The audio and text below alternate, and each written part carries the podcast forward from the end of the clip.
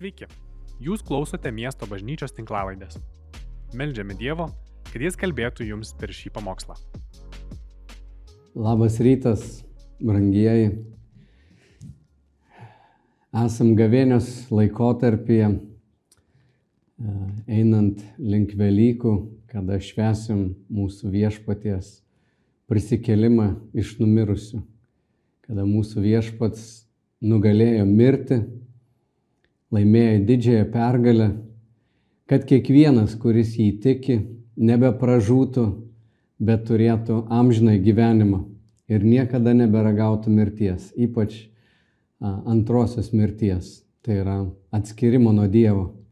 Jo meilė buvo išlieta ant kryžiaus, kada jis nubaudė savo sūnų už mūsų nuodėmės. Tavo, mano nuodėmės buvo prikaltos prie kryžiaus Jėzaus auka buvo ta kaina.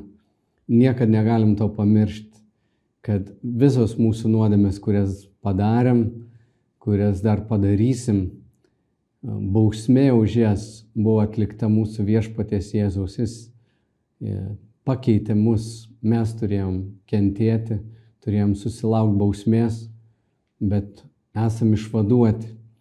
Ir bažnyčia turi tą gerąją naujieną skelbti visam pasauliu kad kiekvienas, kuris yra nusikaltęs, nusidėjęs, atitolęs nuo Dievo, e, netikėjime vaikštantis, išgirstų tą gerąją žinę, kad Jėzus, Dievo sūnus, kūne būdamas, nešė mūsų kaltes ant kryžiaus ir įvykdė didįjį atpirkimą. Buvo palaidotas, trečią dieną prisikėlė. Šitą viltį mes esam gyvi, ypač šiuo metu, kada išgyvenam karo grėsmes, matom karą Ukrainoje, matom žmonės žūstančius, turime išlaikyti savo akis nukreiptus į mūsų viešpatį ir suprasti, kad didysis karas visgi vyksta žmonių širdyse, atsigręžti Dievą, pažinti jį, pažinti jo meilę, kad išėję iš šio pasaulio mes nueitumėm pas mūsų viešpati, kuris mus taip pamilo. O Kristus yra tas, kuris šiandien kenčia su visais prispaustaisiais. Ir jis kviečia mus į tą pačią tarnystę būti jo ambasadoriais. Jis kviečia tave, kviečia mane būti šitoj tarnystėj. Ir paskutinės vakarienės metu Jėzus atsisukęs į savo mokinius, kalbėjo jiems įvairius paguodo žodžius ir taip pat davė įsakymą, sakydamas, aš jums duodu naują įsakymą, kad jūs vienas kitą mylėtumėte, kaip aš jūs pamilau, kad ir jūs mylėtumėte vienas kitą. Iš to visi pažins, kad esate mano mokiniai, jei mylėsite vieni kitus. Įsakymą, kurį Jėzus davė mums, yra toks - mylėti mokinius, mylėti krikščionis taip, kaip jis mylėjo apaštalus, visus, kurie sekė juo. O kaip jis mylėjo, aš galvoju apie Jėzų, visų pirma, įspūdis yra toks, kad Jėzus visa savo esybė buvo apimtas noru būti su žmonėmis, kurie kenčia būtų galima jo tarnavimą pavadinti e, buvimo šalia tarnavimą. Jis praleido labai daug laiko e, su savo mokiniais. Paskyrė visą savo dėmesį, atrodo, mokiniams, mokydamas juos, bet būdamas taip pat šalia jų, rodydamas meilę, valgydamas su jais, miegodamas su jais, keliaudamas, tarnaudamas, visada užtardamas juos tėvo akivaizdoje Ir galiausiai Jėzus pasakė, kad nieks neturi didesnės meilės, kaip už savo draugus gyvybę atiduoti. Tai Jėzus atidavė savo laiką, savo na, širdį, atrodo nebuvo jokių kitų interesų, jis padarė žmonės savo prioritetu. Tiems artimiausiams jis parodė savo didžiausią meilę, galiausiai atidavė savo gyvybę ant kryžiaus Ir mes švenčiam kiekvienais metais Velykas, kada mūsų viešpats guldė savo gyvybę, Kiekvieną sekmadienį, kai e, mėnesio pradžioje, kai mes turim komuniją, e, mes švenčiam jo mirtį, jo prisikelimą. Ir Jėzus paliko mums šitą įsakymą, sako, naują įsakymą aš jums duodu. Žinoma, senas įsakymas buvo mylėti Dievą visa širdimi, visų protų, visomis savo jėgomis, visa savo siela ir mylėti savo artimą kaip save patį. O Jėzus čia sako, duodu jums naują įsakymą - mylėti taip, kaip aš mylėjau. Dinas mes sekame Jėzaus pavyzdžių ir turim imituoti jo gyvenimą. Tai reiškia paskirti, na, savo gyvenimą tarnauti broliams. Ir jis sako, kad iš to pažins, kad esate mano mokiniai, jei mylėsite vieni kitus. Taigi turim ypatingą pašaukimą visų pirma mylėti artimus. Ir bažnyčia yra Dievo surinkimas, Dievo šeima. Tai nėra žmonių sugalvotas susirinkimas. Ir kartais tikrai mes apie bažnyčią labai taip paprastai mastom, kad tai yra kažkoks susirinkimas, vasuoja žmonės, mes vienas kitam patinkam, nepatinkam, kažkas vardą žinom, nežinom. Bet bažnyčia yra visi Dievo žmonės įvaikinti jo šeimą, mes visi turim tėvą, turim tą pačią šventąją dvasę ir bažnyčia yra kažkas labai švento. Apaštalas Paulius sako, bažnyčios mes net nebepažįstam pagal kūną, kaip anksčiau pažinojom. Jeigu anksčiau aš žinojau štai Andrius, tai šiandien aš žiūriu, tai Andrius ir jis yra uh, Dievo vaikas, Dievo dvasia gyvena jame, jis yra ypatingas žmogus, jis yra mano tarsi kūnas ir kraujas, jis yra mano nauja giminė, mes esam tapę viena šeima. Yra Asta, aš žiūriu į Astą ir sakau, čia mano sesuo. Ir tame yra kažkas labai švento, nes Kristaus dvasia gyvena joje ir mes esam padaryti viena šeima. Ir mes esam pašaukti vienas kitą mylėti. Taigi šiandien mums tikras iššūkis yra na, būti bažnyčia, apie kurią Jėzus kalbėjo. Iššūkis yra kame, kad mes bendromeniškumą šiandien dažnai suprantam, netgi krikščionis, kuris sekmadienį ateina į pamaldą, sako, na, aš esu jau geras krikščionis, nesu Velykinis, e, kalėdinis krikščionis, esu krikščionis, kuris kiekvieną sekmadienį vaikšto.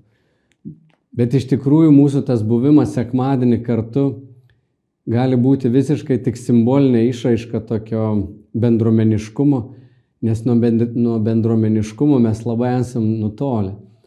Matot, išlikęs yra bendromeniškumas toks, kurį mes suprantam, kaip ir sakiau, kad esam vieno tėvo vaikai. Šiandien mes suprantam, kad mes esam viena na, šeima.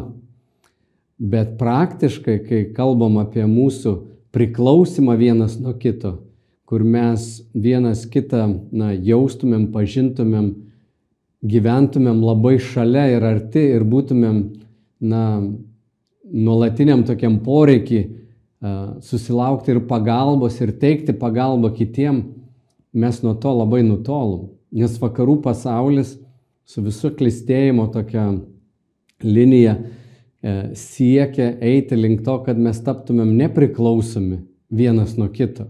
Didžiausia laimė šiandien žmogui yra realizuoti savo svajones, tapti finansiškai nepriklausomu. Kiek daug visokiausių verslų propaguoja šitą mintį, kad na, tu taptum nepriklausomas nuo kitų. Ir jinai yra labai patraukli ir šauni. Ir pati iš savęs nėra kaip ir bloga, kad žmogus na, nėra priklausomas nuo kitų. Gali save finansiškai išlaikyti, emociškai galbūt yra patenkintas savimi, na ir iš to pertekliaus gali tarnauti kitiems. Jeigu jis tai daro, jeigu jo ta nepriklausomybė virsta sąmoningų norų ir patarnauti kitiems, pavirsta dosnumu, kad aš pats tapau savarankiškas, nepriklausomas ir tuo pačiu metu aš galiu eiti ir padėti.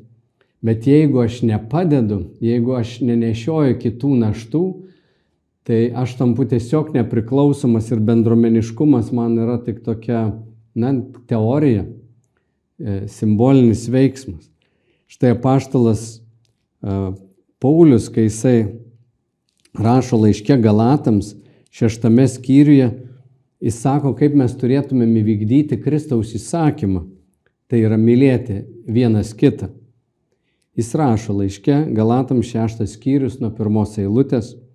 Broliai, jei žmogus įpuola į kokią nuodėmę, jūs dvasiniai žmonės pataisykite tokį romumo dvasioje, žiūrėdami savęs, kad ir patys nebūtumėt sugundyti.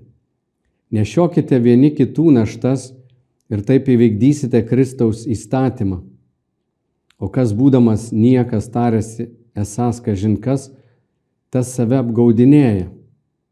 Tegul kiekvienas ištyrė savo darbą ir tada galės girtis pats savo, ne kitam, nes kiekvienas neš savo naštą. Paulius apibūdina bendruomeninį gyvenimą, kad žmonės, kurie gyvena bendruomenėje, jie gali matyti netgi kaip kažkas nusideda ir kiti pastebi tai ir yra labai jautrus ir ateina į pagalbą ir romumo dvasioje, ne iš puikybės, ne iš pasididžiavimo. Romumas reiškia suvaldytą stiprybę, kad jeigu tu turi kažkokį viršumą virš kito žmogaus, esi moraliai pažangesnis, nesi taip nusidėjęs, esi stipresnis, tavo maldos gyvenimas galbūt yra e, stipresnis, tu turi daugiau brandos, tu neteini iš viršaus jam aiškinti, ką jam reikia kitaip daryti, bet ateini tarsi iš apačios, norėdamas jam patarnauti. Ir Paulius kalba apie tokį ryšį, kad jūs padėtumėt jam, tam broliui ir pataisytumėte jį romumo dvasioje. Na ir patys žiūrėdami, kad nenusidėtumėt, nes kuo labiau matai kitų nuodėmės, tuo labiau apanki savo paties daromom neteisybėm. Taigi tas nuolankumas labai reikalingas. Ir jis sako, nešiokite vieni kitų naštas ir taip įvykdysite Kristaus įsakymą. Nešiokite vieni kitų naštas. Nešioti kito naštą reiškia žinoti, kas jam yra sunku, žinoti jo poreikius, žinoti, kur jam yra sunku, kuris tokoja, Tam reikia pokalbį daug daugiau nei susipažinti ir paklausti, koks tavo vardas. Aš turiu jausti jo naštas, man reikia erdvės, būdo, kur galėtumėm išsikalbėti. Aš negaliu mylėti savo artimo, jeigu aš, na, nežinau jo naštų, jeigu aš nežinau jo poreikių, jeigu mes nesam susiję, aš nežinau, kokiomis mintimis jis gyvena. Jeigu tarp mūsų yra atstumas, aš tikrai negaliu jo mylėti. Mano meilė yra, na, butaforinė, tokia simboliška kažkokia. Aš jūs visus myliu. Tai beveik nieko nereiškia, labai lengva deklaruoti, tai tikrai nekainuoja nieko. Meilė visada kainuos. Meilė, didelė meilė daug kainuos. Tai reiškia, aš turėsiu atiduoti savo laiką, aš turėsiu palenkti savo ausį, aš turėsiu atverti savo piniginę, aš turėsiu atiduoti na, savo jėgas, kad kitam galėčiau padėti. Ir taip mes galime įvykdyti Kristaus įsakymą. Tai yra mylėti. Tai yra Jėzaus palėpimas. Tai yra bendruomenė, kurią jisai stato ir kuria, kuri turi būti pavyzdys pasauliui. Ir liudėjimas, kad mes esam viena šeima. Kai aš galvoju apie mūsų va, 30 metų nepriklausomybės kelią, kad mes labai daugelis esam praturtėję ir tapę labai nepriklausomi, mums bendromeniškumo tas poreikis, jisai kažkur dinksta. E, jeigu aš pamenu, kai augau kretingoje ir kiekvieną vakarą net tėvai duoda užduotį, kad atvažiuodavo šiukšlę surenkanti mašina ir pamenu pusę aštuonių įvažiuodavo į kiemą ir pyp, pyp, pyp, pyp, pypindavo. Ir mes visi lėkdavom iš kas, iš kokio parko, kieme žaisdavom futbolą. Užduotis buvo labai greitai bėgti, paimti šiukšlių, tą kibirą išeiti ir išpilti jas. Ir ten sutikdavai visą kiemą, visus kaimynus, pasižiūri kibirą kito, matai, ką jie valgė vakar, ką jie čia meta lauk ir panašiai. Kartais susirinkdavau kaimynai pusę aštuonių, dar mašina net važiavus, jau tu lauki su kibirais, jau aptari. Toks buvo natūralus bendromeniškumas. Šiandien turim konteinerius, mes kaimynų galim nesutikti. Mes esam nuomavę vienom tokiam daugiabutyje su šeima būtą ir, ir metus laiko mes ten buvom ir sveikindavomės su kaimynais. Tai visus metus su mumis nieks nepasisveikindavo, sakydam, labas rytas lipdami. Jokio atsakymo. Labas rytas, jokio atsakymo. Tai esam taip susimaišę, taip nutolę. Neseniai perskaičiau tokią knygą Susigražink savo šeimą. Jeff Petke parašė tą knygą ir jis įdomiai taip iš amerikiečio perspektyvos kalba istoriją, kaip 30 metais Amerikoje keitėsi šeimų sandara. Jeigu anksčiau šeimos kartomis gyvendavo vienam name ir seneliai, vaikai ir anūkai, ir dažnai seneliai perdodavo savo ten kėdę, sofą atiduodavo, prie namo darydavo, pristatydavo kažkokį priestatą, jeigu šeima susi, susilaukdavo daugiau vaikų arba susitokia vaikai, tai dažnai jie šalia kažkokį priestatą turi. Panašiai mačiau ir, ir Makedonijoje, kai mes lankėm na, caro šeimą, tai ten irgi keli aukštai, žmonės pristatinėja prie namų, atrodo aplipę viskas, na, gyvena taip labai arti Arba kaip esu girdėjęs tokį juokai, armenai sako, kraustikis vaikeli toliau nuo manęs su savo žmona, bet netoliau 150 metrų. Tai įdomu, kad Amerikoje 30 metais, praeitame šimtmetyje, beveik prieš šimtą metų, viena kompanija Sears sugalvojo daryti tokius modulinius namus. Jie pasižiūrėjo, koks vartotojų na, švaistimas. Vartotojų galim padauginti, jeigu mes atskirtumėm šeimas. Ir jie padarė tokias modulinius namus, kur šeima gali įsigyti, įsigyti tokį paketą, atvažiuoja sunkvežimis, iškrauna tau namą ir per tris mėnesius tu gali pasistatyti tokį namą. Ir tų namų buvo parduota per e, keturis metus 75 tūkstančiai. Staiga vaikai išsikrausto ir per tris mėnesius gyvena atskirai, gyvena savam na, name. Ir ta Sears kompanija taip pat tokius katalogus atspausdino, ten berods 2000 puslapių. Na ir tu atsikraustai tą tuščią namą, atsiverti ir tau reikia sofos, reikia to, to, to, to, to ir ano. Ir tada sakiau, kur man dabar finansuoti viską. Tai tu nebe pašeimai, nebe tada eini į banką, skolinėsi pinigus ir pradedi savo savarankišką gyvenimą įgyji daugiau laisvės, nebereikia derintis su Anyta ar ten su, su Ašveis. Nuostabu, daugiau nepriklausomybės. Ir plėtra tokia didelė, tiesiog mes, na, pradė, vakarai pradėjo taip tolti. Bet koks klėstėjimas atnešė vis daugiau ir daugiau tos nepriklausomybės, žmonės įsiskolina, bet jie taip pat uždirba. Ir, žodžiu, Vaikams mes linkim to paties, išsikraustik, pasim paskolą, statyk savo gyvenimą, žodžiu, būkim nepriklausomi, e, atsiranda senelių namai, atsiranda įvairiausios paslaugos, tokį gyvenimo būdą palaikyti. Ir daug, daug patogumų, kurie nu, labai palengvina mūsų gyvenimą. Šiandien nebereikia vaikų įdarbinti, plauti indų, nes indaplovę plauna, turim robotus, kurie važinėjasi po namus, žolės nebereikia pjauti, žiūriu, kaimynai beveik visi robotais apsirūpinę.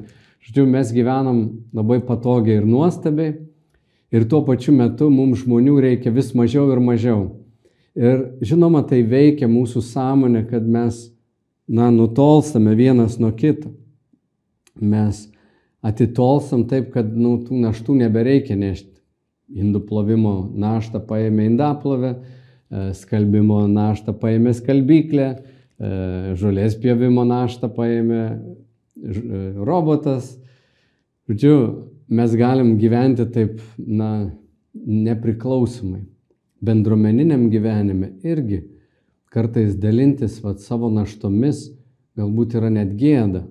Dalintis savo sunkumais atrodo, na, net nepadoru. Aš turėčiau pats pasirūpinti. Ir, ir mes taip nepastebimai, nepastebimai nutolstam. Bet šiuo metu karo akivaizdoje daugybę žmonių matom, kurie ateina. Tai didelė tragedija, kuri ištiko vėl mūsų regioną. Matom blogį. Ir tame visame blogyje aš matau ir didelę dovaną mums, kaip bendruomeniai, tikintiesiems, skelbti gerąją žinę ir būti tiems, kurie, na, ateisim į pagalbą.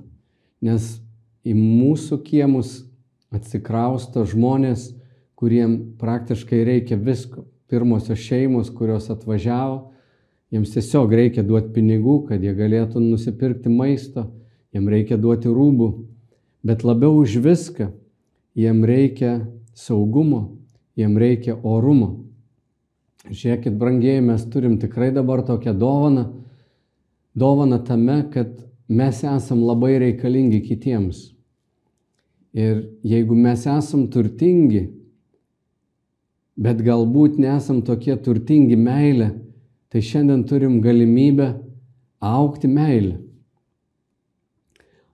Mes esam tie, kurie galime padėti žmonėms, kurie prarado savo namus, paliko savo vyrus, vyresnius sūnus, kurie išgyvena didžiulę kančią atskirties, netekties, kurie yra sumišę, sutrikę. Ir kai kurie tikintieji, kurie dabar pas mus čia atvažiavo, na, jie pasiruošia ir tarnauti. Jie pasiruošia patys prisidėti, bet labiausiai atrodo jiems reikia, na, to saugumo, žinoti, kad jie vis dar yra tie patys žmonės, kurie buvo ten namuose. Juos reik, jų reikia išklausyti. Aš noriu tiesiog mums, na, ne tai, kad tokį patarimą duoti, bet jau paraginimą. Cituojant išganimo armijos, tai ne bažnyčia, bet krikščioniškas toks judėjimas, kuris XIX amžiuje, XX 20 amžiaus pradžioje Anglijoje prasidėjo. Jie turėjo tokį šūkį angliškai Soap, Soup, Salvation Tai reiškia muilas, sriuba, išgelbėjimas. Tokia uh, um, seka buvo. Viljamas Būtas, kuris pradėjo lušnynuose tarnauti vargšams, dažnai būdavo sumušamas, jis eidavo skelbti Evangeliją, uh, rengdavo visokias paramos akcijas, buvo labai inovatyvus žmogus. Iš tiesų vienas pirmųjų evangelistų, kuris automobiliu aplink Angliją, Angliją važinėjo Ir jis sukūrė tokią, nu, tokį judėjimą padėti vargšams. Dažnai būdavo pomidorais apmėtomas, nekenčiamas. Jų metodai buvo fantastiniai iš tiesų. Jisai, gal esu jums pasakojęs, kaip jie na, vaikučius ištraukė, pavyzdžiui, iš degtukų gamyklų. Labai tuo metu buvo na, pavojingi tokios sieros degtukai. Ir jisai švediškus degtukus pradėjo gaminti, įsteigė fabrikus ir vaikučius ištraukia iš tų pavojingų tokių sieros degtukų gamyklų ir naujus fabrikus įsteigė, kur būtų jiems saugu. Jie viešnamius uždarė, tiesiog gėdodami giesmės ir pasitikdami viešnamiuose klientus. Kai juos pradėdavo mušti savininkai, nusamdydavo visokių žudikų, banditų, tai jie kreipiasi pagalbos, kad prie kiekvienų na, na, vieš, viešnamių, kur, kur chorai pasitinka ir dainuoja giesmes, kad ten juos saugotų žandarai, policija. Ir taip na, žmonės gėdėjosi eiti į tuos viešnamius. Jie tokie buvo kūrybingi, bet jie padėdavo vargšams ir jie iki šių dienų yra žinomi kaip tie, kurie eina ir rūpinasi vargšais. Šiandien mes visi galim sekti jų pėdomis, tų brolių ir sesijų, kurie taip tarnavo ir tarnauja iki šių dienų, suteikdami visų pirma, na, muilo, tai yra ir šį rytą netgi e, šeima atvažiavo, sako, mes tiesiog norim nusiprausti, tris paras keliavę, tai jiems reikia suteikti va dušą, muilo, e, jiems reikia pavalgyti ir sako, norim labiausiai miegoti. E, Bet kitas poreikis vėliau yra jų išklausyti. Kiekvienas mes galime būti tie, kurie palenksim savo ausį ir išklausysim. Šiandien, kai tiek daug savanorių Lietuvoje įvairiais būdais tarnauja, savanoriauja, e, aukodami e, daiktus, e, pinigus, bažnyčia turi dar vieną unikalų dalyką. Šitą atjautos tarnystę ir vilties tarnystė. Apaštalas Paulius laiškė korintiečiams mes skaitom, kaip jis tarnavo. Sako, štai mano na, filosofija, kaip, kaip aš prieinu prie žmonių. Pirmas laiškas korintiečiams devintas skyrius nuo 19 eilutės. Tai yra susitapatinimo arba buvimo šalia tarnystė. Jisai sako, būdamas nuo nieko nepriklausomas. Tai yra laisvas, savarankiškas, jis pats visko turi. Ir, ir yra laisvas gal nuo žmonių nuomonių, e, jis nėra pavergtas kažkokiai bendrai tokiai tapatybei, galbūt jisai sako, aš pasidariau visų vergas, kad tik daugiau jų laimėčiau. Būdamas laisvas, pasidariau vergas. Vergas yra žmogus, kuris neturi savo valios, jis atsiduoda kito valiai, jis yra šeimininko nuosavybė. Koks stiprus pokytis iš nepriklausomo žmogaus pradėti mąstyti, kad aš esu kito vergas. Šiandien tikrai ne, negirdžiu ir nematau mūsų aplinkoje žmonių, kurie sakytų, aš noriu būti vergas. Šiandien yra labai daug protingų, išsilavinusių, savo išsilavinimą rodančių žmonių, bet tarnaujančių, kurie fotografuojasi ir reklamuojasi. Yra daug žmonių, kurie šiandien dar pilni entuzijazmo, netgi visą šitą krizę galbūt mato kaip savaitės dviejų krizę. Mano galva tai tiesiog tai tęsis turbūt labai ilgą laiką ir reikia nusiteikti maratonui.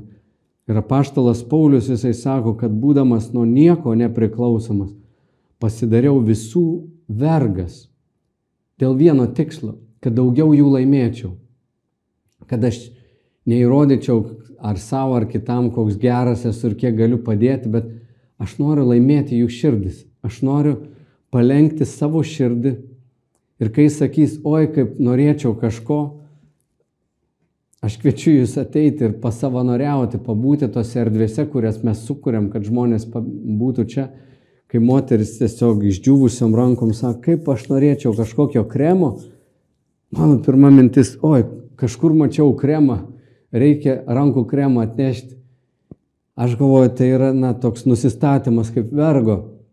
Štai ji yra persikraušiusi, pabėgusi laikinai ar, ar visam, aš nežinau, bet ji išreiškia savo poreikį ir aš matau jos naštą. Tai smulkmena, jinai šypsosi, jinai supranta ir be to kremo gali gyventi, bet sako, kaip tų paprastų dalykų pasilgau. Ir man būti vergu reikštų, na, pulti, padėti, pabandyti jai suteikti, jeigu aš galiu, tą pagalbą, kurios jai reikia, net jeigu tai smulkmena. Paulius apaštalas, jisai sako toliau, na, dėl paties, pačios širdies laimėjimo, jisai sako, žydams, aš buvau kaip žydas, kad laimėčiau žydus. Jis čia jau kalba apie tai, kaip žmonių protą palengti ir jeigu žmogus, na, buvo žydų tautybė, sako, aš irgi tada jam e, esu, sakau, aš esu visų pirma žydas. Tiems, kurie laikosi įstatymo, tapau besilaikančių įstatymų, kad laimėčiau besilaikančius įstatymų, nors pats nesu jam pavaldus. Aš net savo kai kurių, atrodo, įsitikinimų, kad aš esu laisvas Kristaus įsakymų vykdytojas esu, nebesu po įstatymo valdžia, bet malonė esu išgelbėtas, tai tie žmonės, kurie vykdo įsakymus ir kažko neliečia, kažką, kaž, kažkur neina, jis lygiai taip pat susitapatina su jais ir būna šalia. Tiems, kurie neturi įstatymų, buvau kaip neturintis įstatymų, pats būdamas nebe Dievo įstatymų, bet surištas Kristaus įstatymų, kad laimėčiau tuos, kurie neturi įstatymų. Silpniesiems pasidariau kaip silpnas, kad laimėčiau silpnuosius Visiems tapau viskuo, kad vienaip ar kitaip kai kuriuos, kai kuriuos išgelbėčiau. Visą tai darau dėl Evangelijos, kad būčiau jos dalininkas. Paulius žmonėms, kurie yra silpni, kurie yra netektyse, sako, viskuo tapau. Tai reiškia, palenkiau savo ausį, palenkiau savo širdį kad jų išklausyčiau, kad jiem padėčiau, kad pats susitapatinčiau, kad pats pasijuščiau, tarsi aš esu tas likęs be namų žmogus, kad galėčiau paskelbti jiems Evangeliją. Ir šiandien mūsų kaip bažnyčios išskirtinė dalis, ar mes našlaičius primsim, ar mes teiksim pagalbą, materialią pagalbą, bet mūsų dalis susitapatinti su jais, būti šalia, išklausyti, visų pirma užtikrinti, kad jie jaustųsi saugus, kad jie jaustųsi mylimi, priimti, neuždedant jiem jokių naštų, ne, nepasakojant mūsų istoriją, tiesiog užsičiaupti reikia ir patilėti, kai jie norės atstatyti savo orumą ir sakys, aš mokytoja, aš dirbau ten, aš palikau savo darbą, kad mes ir žiūrėtume ją kaip į mokytoją, ne kaip į pabėgėlį, kad mes žvelgtumėm į juos kaip į Dievo vaikus, o tiems, kurie nepažįsta Evangelijos, papasakoti ir pačią geriausią naujieną, pasakyti, jūs esat mylimi. Galbūt Dievas visą tai leido, kad ir tu galėtum pažinti, koks Dievas yra geras. Aš esu čia tam, kad pasakyčiau, kad Dievas kenčia su tavimi. Kristus yra šalia. Kreipkis į jį, pažink jį, melskis jam, kreipkis į jį, kad jis tave paguostų, nes jis vienintelis gali suteikti viltį. Nes viltis, kurie ir gali būti atimta šitoj žemėje, nėra tikra viltis. Mūsų viltis nėra tankų gausa, nėra daugiau lėktuvų, mūsų viltis yra Kristus, kad jis ištraukia mus dabar iš amžinos pražūties. Šita viltis leidžia mums pakelti visą tą kančią, visą tą blogį, ką mes matome, leidžia primti su giliu žinojimu, kad vieną dieną Dievas tei šį pasaulį ir visiems atlygins pagal jų darbus, bet tiem, kurie patikėjo juo, jis suteiks amžiną gyvenimą, kad kiekvienas, kuris jį tiki, nemirtų. Ir Jėzus sakė, kas mane tiki, nors ir mirs, bus gyvas per amžius. Tai yra didžiausia viltis, tai yra mūsų pašaukimas, ką mes turime skelbti šitiem žmonėm, visų pirma jų išklausant. Ir mums tai yra dovana, kad mes taptumėm vergais, kad mes taptumėm tarnais. Ir tai yra tikroji laimė. Laimė nėra ištemti kojas Turkijoje prieš baseiną ir gerti pino kaladą. E, laimė yra kartais būti su žmogum, kuriam reikia rankų kremo ir valandą laiko paklausyti jo istoriją. Kai jis verkia, kai jis nutyla, tiesiog pasėdėti šalia. Ir kai mes taip susijungiam ir jaučiam, kad Kristus yra šalia, ir tarnaujam žmonėms buvimu šalia, tiesiog pasakant, aš esu šalia, aš tave girdžiu, aš tave matau, man tu rūpi. Čia yra gyvenimo turtai. Čia yra dalykai, kuriuos mes išsinešim visam žinybę. Šitas laikas yra mums pasidaryti daugybę draugų, naujų giminių, kurie atvažiuoja iš Ukrainos, netrukus ir iš Rusijos, ir iš Baltarusijos žmonės bėga iš visų šių šalių. Mūsų dalis yra būti Kristaus tarnais, kad vienaip ar kitaip pasidarytumėm kaip ir jie, kad kuo daugiau jų laimėtumėm. Tai yra mūsų krikščionių pašaukimas.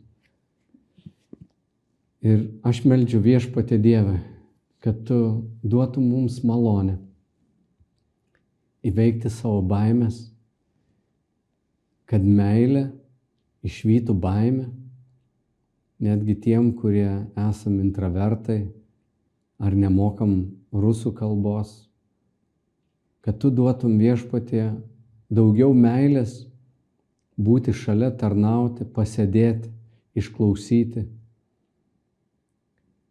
ir iš tavo malonės paskelbti Evangeliją. Viešpatė, mes melžiamės už visus uh, Ukrainos žmonės, kurie bėga, kurie šiandien kenčia, už našlaičius viešpatė, kaip kiekvieną dieną Dieve mes melžiam, melžiam, melžiam.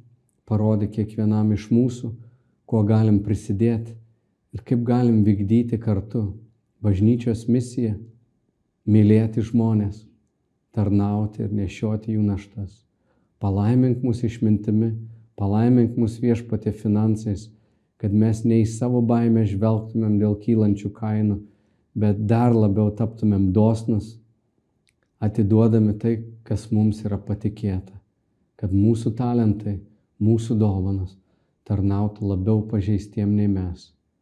Mes melžiam tau per Kristų mūsų viešpatį. Amen. Ačiū, kad klausėte. Daugiau informacijos rasite mūsų svetainėje miestobažnyčia.lt arba Facebook, Instagram ir YouTube paskiruose.